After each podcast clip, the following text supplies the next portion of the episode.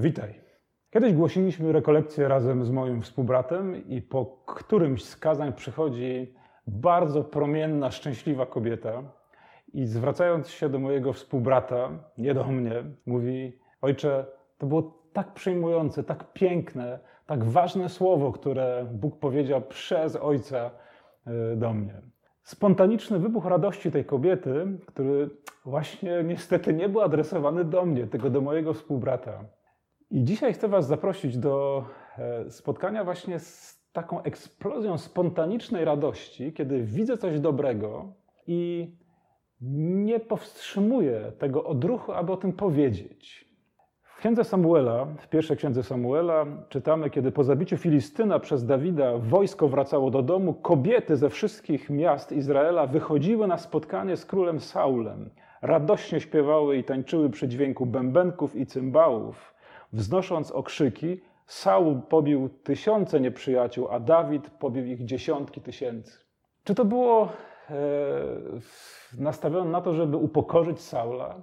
Ta eksplozja radości, tej dumy ze zwycięstwa Dawida? Nie. To po prostu był odruch serca.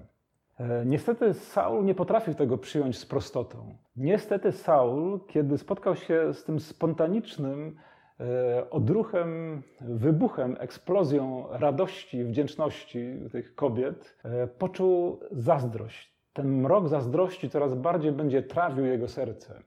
Mi się wydaje to bardzo ważne i tego sam pragnę dla siebie, żeby gdy uczestniczę w czymś dobrym, gdy nagle dociera do mnie, że ten drugi człowiek zrobi coś fajnego, żeby nie powstrzymywać tego odruchu, pójść i podziękować. Ostatnio właśnie byłem z taką znajomą, w teatrze. To była sztuka zagrana przez bardzo młodych aktorów, niektórzy jeszcze byli w trakcie studiów. To było tak piękne, tak wzruszające, oni byli tak w tym wszystkim świeży, tacy żywiołowi, e, że mówię, słuchaj, pójdźmy w, do tej garderoby, jeśli taka możliwość istnieje, no bo ta moja znajoma jest aktorką, uczyła ich śpiewu i poszliśmy.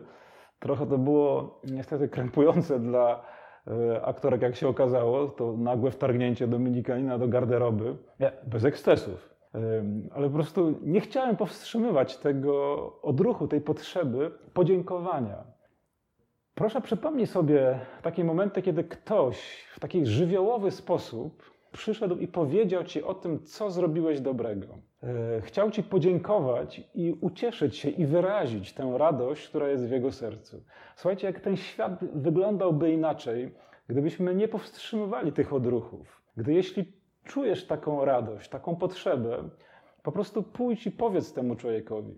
Ja robię tak, że jak słucham jakiejś płyty i ta płyta mi się bardzo podoba, i to jest płyta polskiego artysty, Wtedy zdobywam telefon do takiego człowieka i wysyłam mu SMS-a, że właśnie jestem na przykład w Warszawie w łazienkach, spaceruję sobie, biegam i słucham płytę z Twojej muzyki. I to jest kawał genialnego, genialnej twórczości, która wniosła wiele, wiele radości do mojego serca. Bardzo Ci za to dziękuję.